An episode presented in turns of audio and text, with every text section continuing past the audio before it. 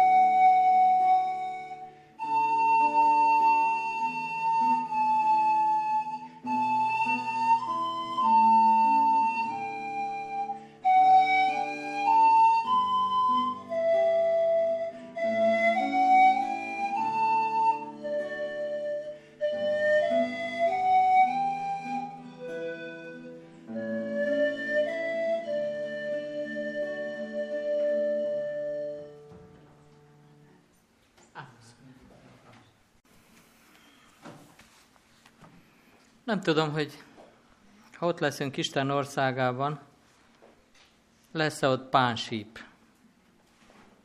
Gitárról olvastam a Bibliában, kütarának nevezik a bibliai nyelven, amit citerának és meg gitárnak is lehet fordítani. Pánsípról nem olvastam, de én szerintem ez nem hiányozhat az Isten dicsőítő zenekarból. Ennek olyan gyönyörű hangja van, hogy tényleg felemeli a lelkünket, úgyhogy bátorítalak benneteket, szolgáljátok a Jóistent továbbra is ezekkel a hangszerekkel. Egy felvetést hallottam déli szünetbe, ebéd szünetbe, hogy eh, esetleg nem tartanám meg a délutáni órát, hanem egy beszélgetést folytatnánk a délelőtti témáról, én ezt nem szeretném eldönteni saját magam, hogy beszélgetést vezessek-e, vagy tartsam meg a, azt a bibliai témát, amivel felkészültem délutánra. Tőletek függ. Megszavaztatlak benneteket, hogy melyiket szeretnétek, a délelőtti témát megbeszélni, vagy pedig a, a ige szolgálatot meghallgatni. Annyit előre elmondok, hogyha beszélgetés mellett voksoltok, akkor az nem azt jelenti, hogy én fogok beszélni.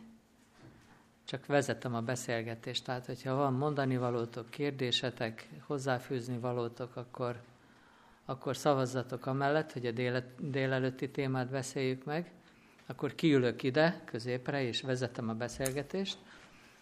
Ha pedig szeretnétek meghallani Jórám király életrajzának a tanulságait, Kettő Jórám király volt a Bibliában, az egyikről szeretnék beszélni, a judeairól, akkor amellett emeljétek fel a kezeteket. Abban is vannak érdekességek. Tehát, akkor most felteszem a kérdést, ki szeretne a délelőtti témáról beszélgetést folytatni? Most emelje a kezét az, aki beszélgetést szeretne. Jó, ott is emeljétek a kezeteket. Kettő, négy, hat. Ki szeretne ige szolgálatot hallani Jórám királyról? Hát sajnálom, többségében a Jórám király mellett tették le a voksukat, de mind a kettőre nincs idő. Mind a kettőre. Jó.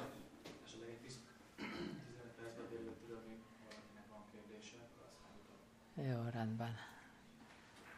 Robi felvetette, hogy, hogy korlátozzuk be az időt, tehát most, ha fél háromig be tudjuk fejezni, akkor a délelőttivel kapcsolatban van valakinek kérdés, akkor vesse fel. Neked valószínű van, azért javasoltad, ugye? Jó? Péter? Igyekszem befor... Kérdezed. Biztosan következett fog tetszeni, de sose értettem azt, hogy miért kell ezt ennyire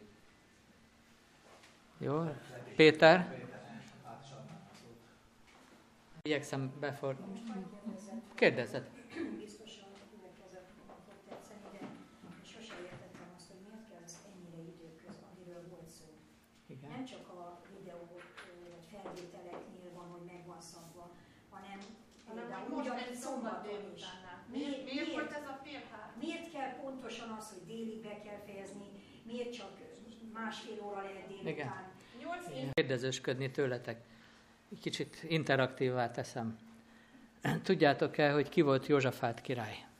Tudom, hogy nem őt mondtam először, hanem Jórámot, de hadd kérdezzek előbb Józsafát királyról. Hol, hol, mikor élt? Nem kell. Júdában, igen, Júda királya volt. Jó király volt, rossz király volt. Jól indult. És én szerintem jól is fejezte be. Sok, sok jót mond róla a Biblia.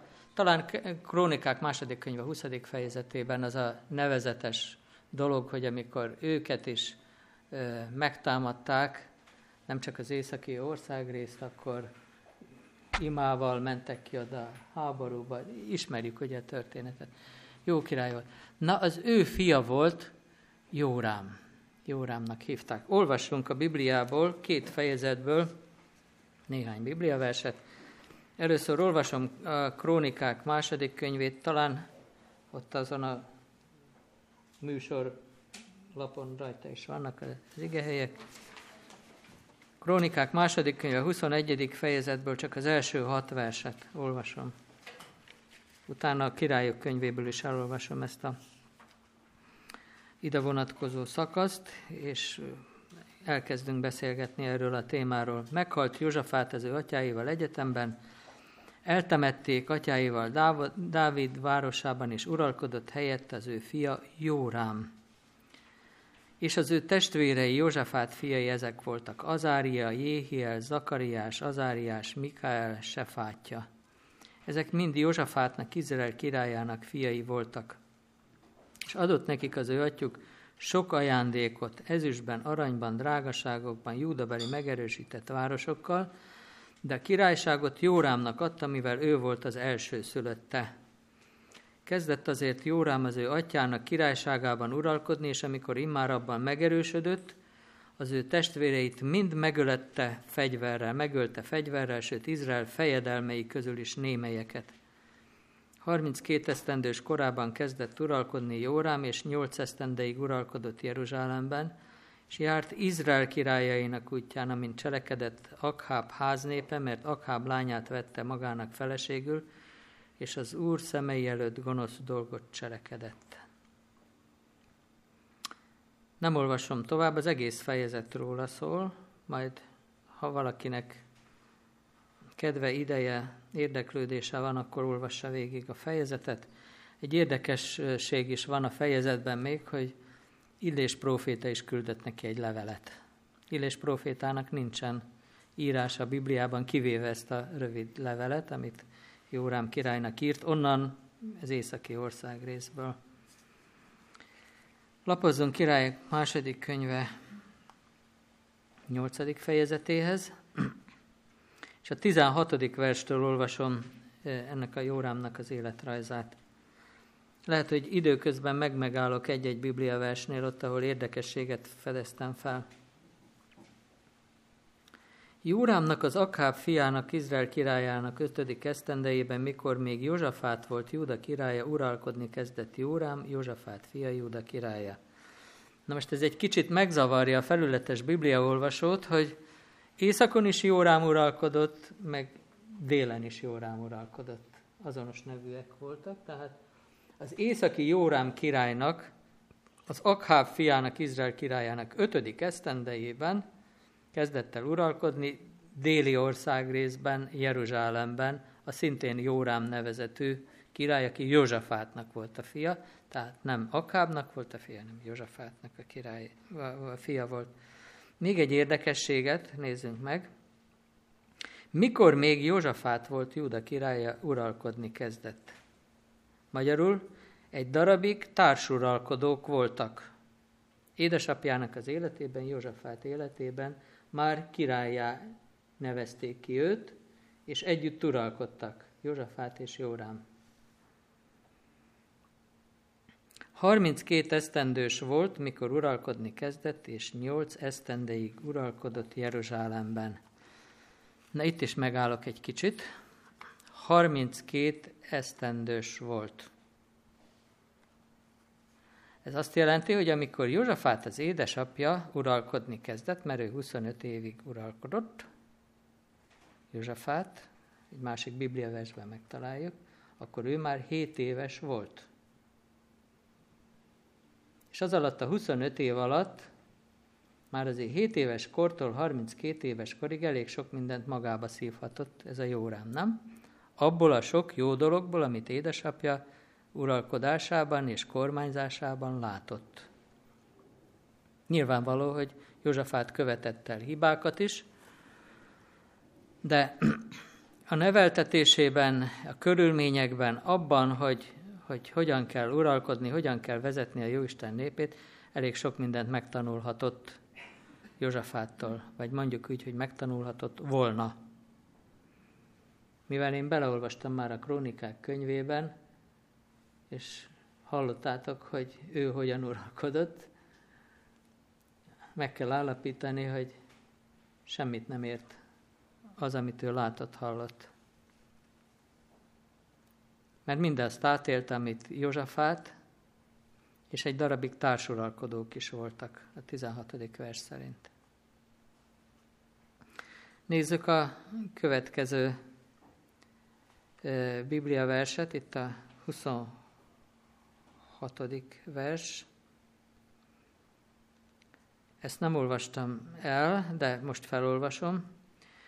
22 esztendős volt Akházia, amikor uralkodni kezdett, és egy esztendeig uralkodott Jeruzsálemben, az ő anyjának neve Atália volt, Omrinak, az Izrael királyának lánya. Ez az Akházia, ez Jórámnak a fia volt. 22 éves korában kezdett el uralkodni. Végeztem egy rövid számítást. Józsafát uralkodásának 11. évében, a 25-ből, már megszületett Atáliától Jórámnak az Akházia nevezető fia. Ekkor Jórám 18 éves volt. Könnyű kiszámolni egyébként. 18 évesen ő neki már gyermeke volt a Jézabel lányától, Atáliától.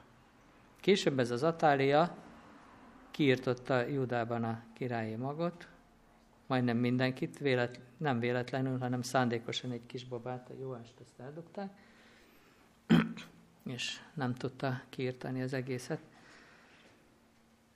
De itt ezt is elolvastam a 18. versben, hogy járt Izrael királyainak útján ez a Jórám, amiképpen cselekedtek az Akháb házából valók, mert Akháb lánya volt a felesége is, gonoszul cselekedett az ő szemei előtt. Azt hiszem, hogy keveset beszélünk arról gyülekezetben egymás között, és a fiatalokkal, gyermekeinkkel is keveset beszélünk arról, hogy milyen veszélyei vannak a felemás házasságnak. Józsafát királynak egy óriási nagy ö, álma volt az, hogy ö, egyesíti a két országrészt. Hát mégiscsak Izrael tíz törzse ott külön voltak, és gondolta, hogy ez a jó hatás, az a jó befolyás, az érvényesülni fog. Meg is látogatta többször az északi királyt Akhávot, voltak ott közös dolgaik is. De a legnagyobb baklövés akkor következett be, amikor, amikor Jórám feleségül vette Jézabelnek a lányát, Akábnak a lányát, Atáliát. Nem tudom, hogy abban az időben hogy működött, hogy a szülők döntötték el, hogy édes fiam, akkor te most feleségül veszed, és én ezt végeztem felőled, és akarat ellenére vette el feleségül, vagy szerelem első látásra, amikor látogatóba volt Józsefát Izraelben, Észak-Izraelben, akkor vele volt Jórám is, és hát nagyon megtetszett neki ez a hölgyemény, Atália, és elvette feleségül, de hogy már 18 éves korában megszületett a gyermek, ez mutat valamit. Érdekes. Ez legalább annyira érdekes, mint amikor Salamon életrajzát, meg Roboám életrajzát nézzük, írja Roboámról a Biblia, hogy 41 éves korában kezdett el uralkodni Salamon halála után. Hány éves korában? Vagy hány évig uralkodott Salamon? 40. 40 évig. Magyarul, mielőtt király lett volna, már volt egy, egy, egy, egy éves kisfia, Roboám. És az is érdekes, leírja, hogy egy ammonita hercegnő volt az anyja Roboámnak.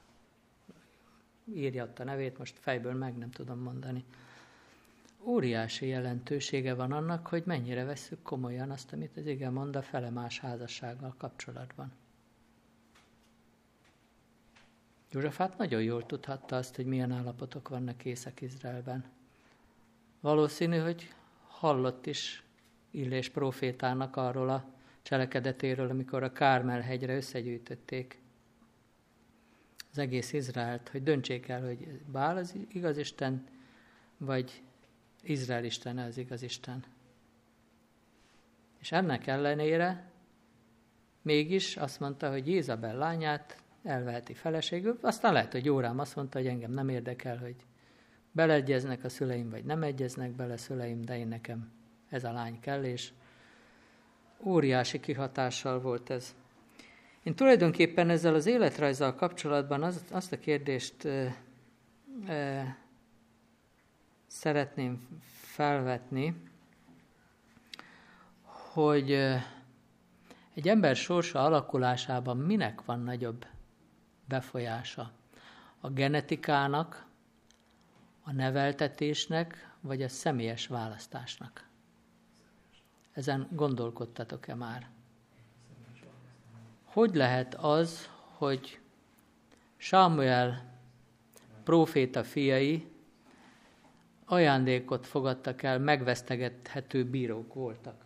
Én nem gondolom, hogy Sámuel annyira rossz példát adott volna a gyermekeinek.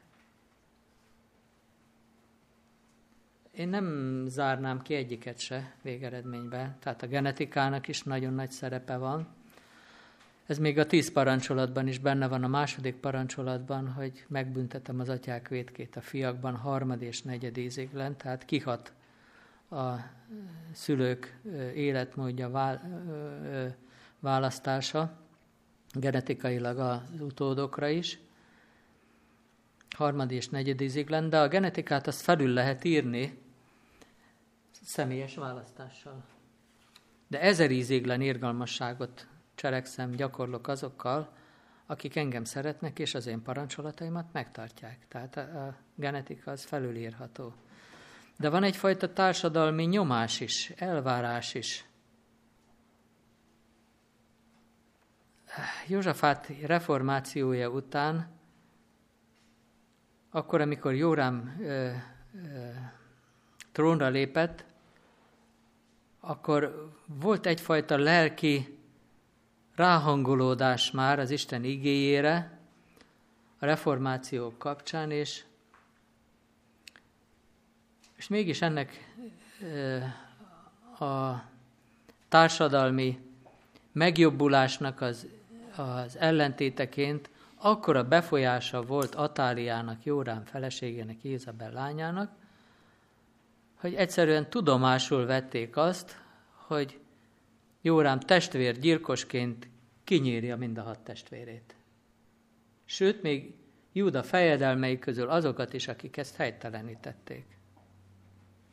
És nem történt ki semmiféle polgárháború, lázadás, hogy na akkor nekünk ilyen királyra nincs szükségünk. Azt mondták, ha ez van, akkor ez van.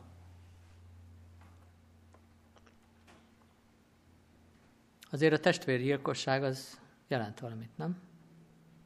Kezdve Kaintól. Remélem, itt nincsenek testvérgyilkosok a gyülekezetben, vagy vannak? Reméljük, hogy nincsenek. Jó hiszemű vagyok. Jézus, amikor a hegyi beszédet mondta, akkor azt mondta, hallottátok, megmondatott a régieknek, hogy ne ölj. Én pedig azt mondom, hogyha valaki haragszik, az már elkövette a gyilkosságot. Van-e köztünk olyan, aki haragudott már a testvérére?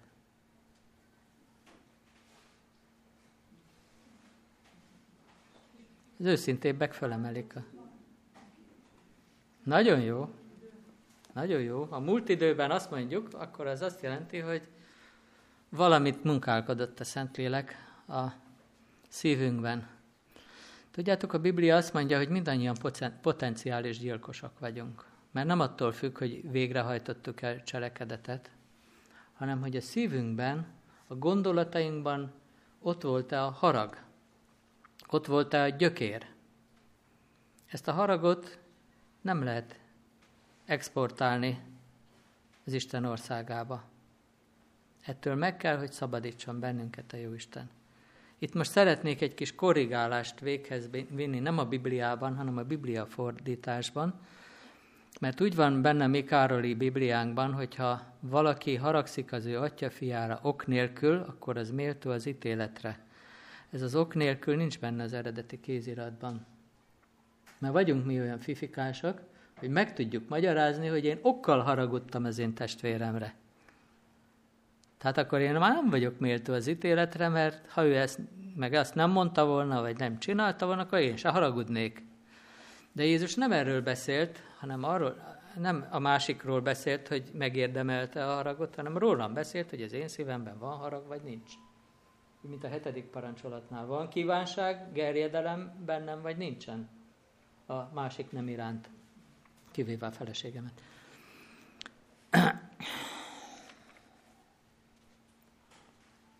Akkor mégiscsak vannak testvérgyilkosok közöttünk? Lehet, hogy én is az vagyok, akkor, amikor haragszom az én atyám fiára.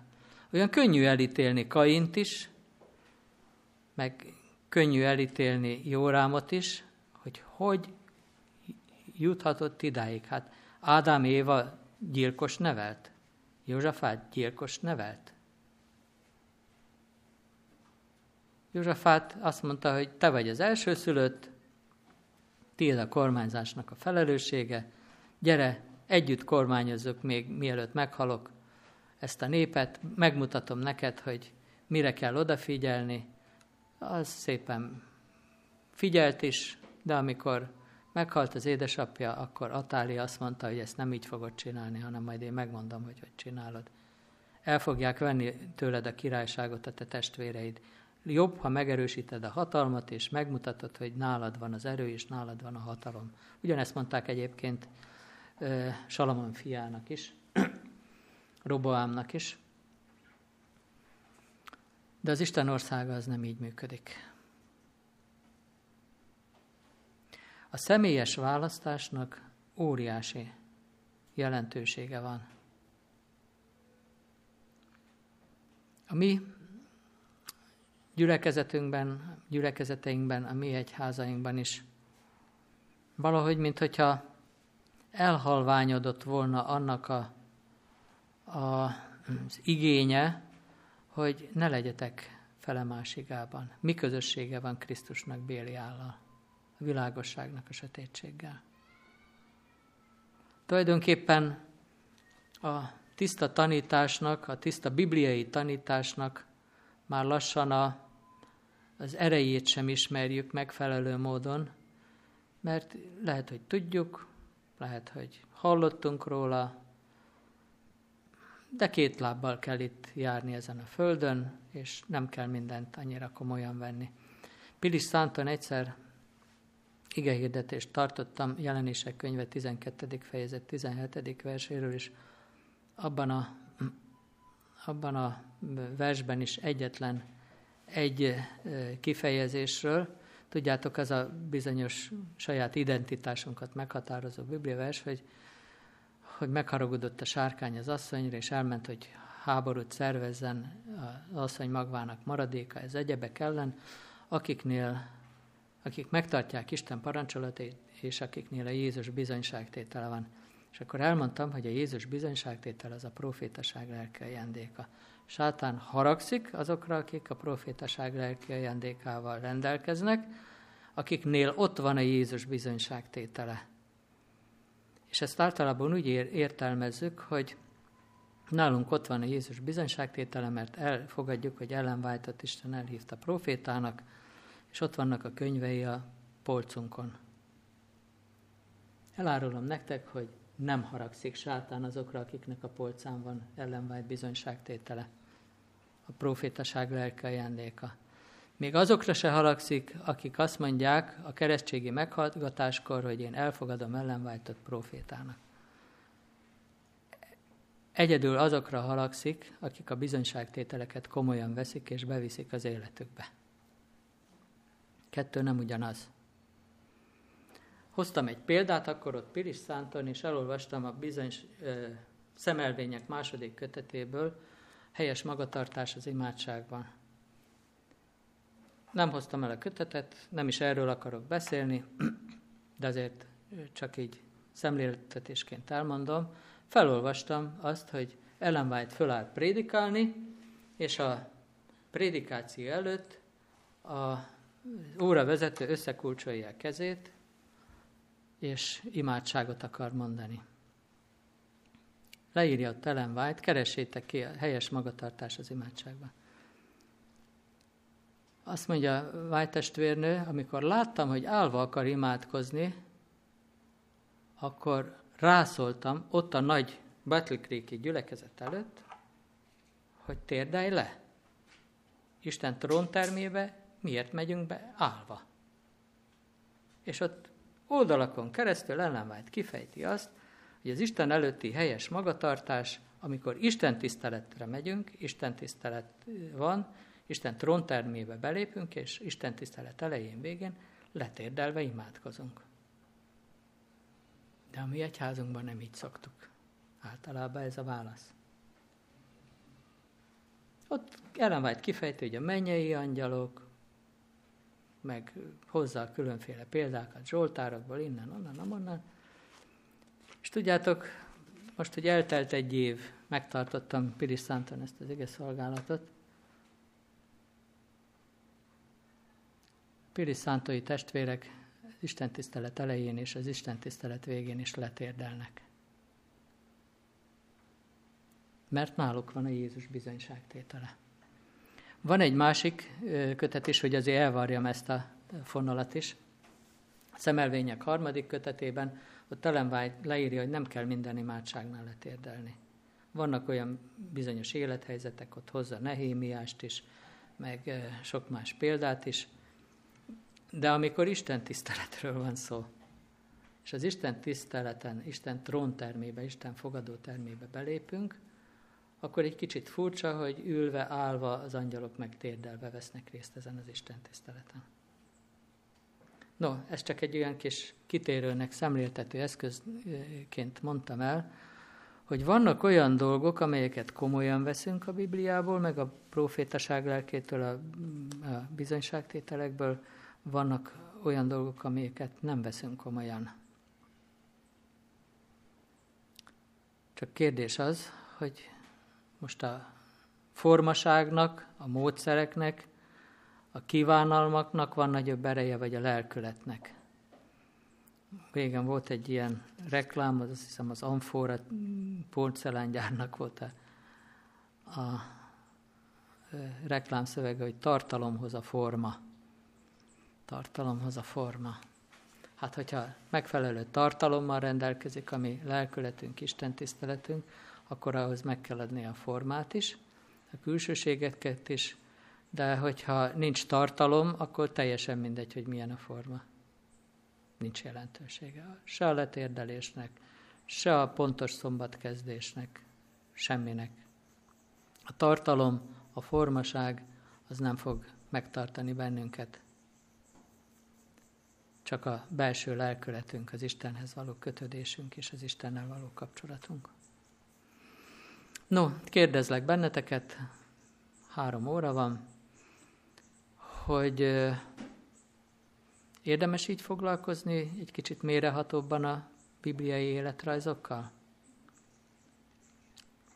Vannak olyan részletek, amiket, hogyha felületesen olvassuk a Bibliát, akkor, akkor nem látjuk meg, mert átsuhanunk felette. Hát régebben én sem matematikáztam itt az életkorokkal, hogy ki hány éves korában kezdett el uralkodni, meg, meg mi hogyan történt. Egy biztos, hogy nem vagyunk biztonságban attól, hogy mi a heted napot ünneplő adventista egyház gyülekezetében vagyunk. Ez nem fog megtartani bennünket. Ha majd egyszer a vizsgálati ítéletben nevünkre kerül a sor, akkor nem azt fogják megkérdezni, hogy melyik gyülekezetbe jártál, és ott voltál-e rendszeresen az Isten tiszteleten. Hanem az angyalok már előtte rámutatnak az egyénekre, hogy itt vannak azok, itt van a szentek békességes tűrése, itt, akik megtartják Isten parancsolatait és a Jézus hitét. Ez a Jézus hite, ez a hitáltal megigazolásnak az a tapasztalata, amelyről délelőtt is beszéltem. És az elsődleges célunk legyen az, hogy nem a módszer, nem a technika, nem a teljesítmény, hanem az Istennel való kapcsolat hátterén induljunk el, és tegyük meg azt, amit a, amire jó Isten megkért bennünket. Ha ezen az úton járunk, akkor lehet, hogy nagy változások történnek az egyházban. Amen.